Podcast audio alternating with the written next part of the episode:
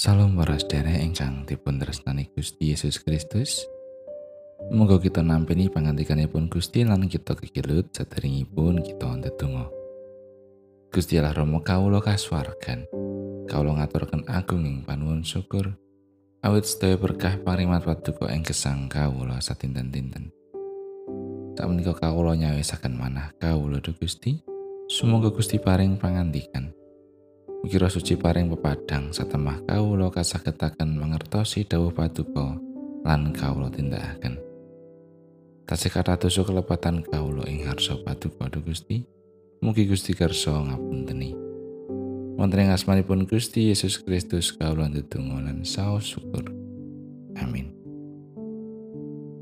Maosan kapendet saking purwaning dumadi bab 6 ayatipun 13 dumugi kalih likur. Gusti Allah tumuli ngendika marang Rama Nuh. Ingsun wis mutus bakal mungkasi uripe makhluk kabeh. Marga bumi wis padha dikebaki panganiaya. Mulane bakal sun sirnake bareng karo bumi. Sira gawe prau kanggo sira, kang gawe kayu gofir. Panggawene sira singget-singgeto. Sarta ing jaba lan jerone sira usara nganggo aspal kang kenthel. Dene anggone gawe iku mangkene. dawane prau telung atus asto ambane seket asto dhuwure telung puluh asto praune sira weneh ana cendela mubeng lete sa asto saka payon. Lawange pernahno ana ing awake prau. Anggonira gawe prau sungsun sungsun ngisor tengah lan dhuwur. Awit dene ingsun bakal nekake banjir kang limputi bumi kanggo nyirnakake sarupaning jinis kang urip lan kadunungan nyawa ing sak isore langit sakabeh kang ana ing bumi bakal mati. Nanging karo sira ingsun karsa damel prasetyan ingsun. Sira bakal lumebu ing prau iku. Sira lan anak-anak ira, somahira lan somai anak-anak ira.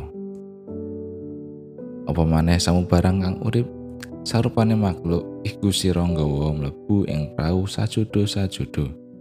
Supaya padha kapitulung ana urip bareng karo sira. Saben jenis lanang lan wadon. sawernaning manuk lan kewan nusoni. Apa dene sawernaning kewan kang rumang kang nelosor lan gumremet ana ing bumi?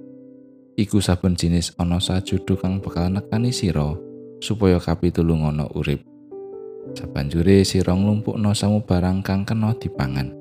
Kagawe tandon kanggo panganira lan pakane kewan iku mau kabeh Rama Nuh tumuli nglampahi ngestokake apa sadawe Gusti Allah mau kabeh Makatan pangantikanipun Gusti ayat nat saking ayat kalih likur. Remonuh tumuli nglampahi ngestokake apa sadawe Gusti Allah mau kabeh. Nindakake dawuh kuwi gampang-gampang angel. Gampang menawa kang didhawuhake iku prakara kang katon sepele, katon enteng. Angel menawa kang didhawuhake kuwi kawawas abot sanggane. Akeh risikone ora bisa ditantangi dewi. Coba dibayangke opo kang kudu tindakake dening Nuh nalikane nampa dawuh Gusti. Iku dawuh enteng apa angel. Nuh diparingi dawuh dening Gusti Allah kanggo gawe prau gedhe. Dawane prau telung atus asto, ambane seket dhuwure telung puluh asto. Menawa ing Alkitab terjemahan bahasa Indonesia sehari-hari katulis mangkene. Kapal itu harus 133 meter panjangnya 22 meter lebarnya dan 13 meter tingginya.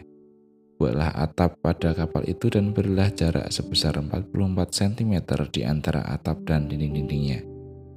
Buatlah kapal itu bertingkat tiga dan pasanglah sebuah pintu di sisinya. Dawane 103 meter, ambane 22 meter, duri telulas meter. Duri payan petang 44 cm. Tiga saka kayu gofir kayu kang atos lan kuat mbok menawa kaya kayu jati menawa ing Indonesia. Bisa dibayangke golek kayune wae ora gampang. Kudu negor wit gofir sing wis gedhe lan tuwa. Kudu golek nang ngalas durung maneh ora gampang uga anggone belah kayu saka balok bodene blabak.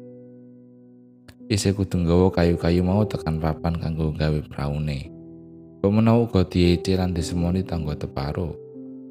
ora ana udan ora cedhak segara kok gawe prau gedhe gek-gek Nuh uga liyane wis owah pikirane ora waras maneh. Ananging kabeh mau ora ndadekake Nuh surut lan mundur. Nuh tetep sendika dawuh ngestokake dawuh Gusti. Iki dadi tulodo kanggo kita. Kaya ngopo angele, kaya ngopo abot sanggane, dawuh Gusti kudu ditindakake. Temahan pungkasane oleh keselamatan. Kaya Nuh sak berayat selamat marga nindakake kabeh dawuh Gusti.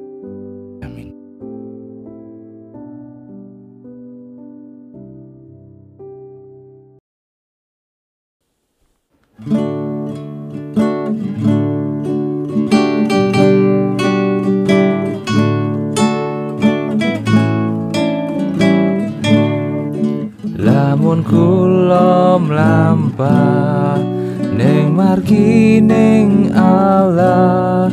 Kula sestu ngraosken pingah kula yakin estu. Gusti nuntun tamtu mring tiang kang pitados satu mung sawiji kabegjan sejati.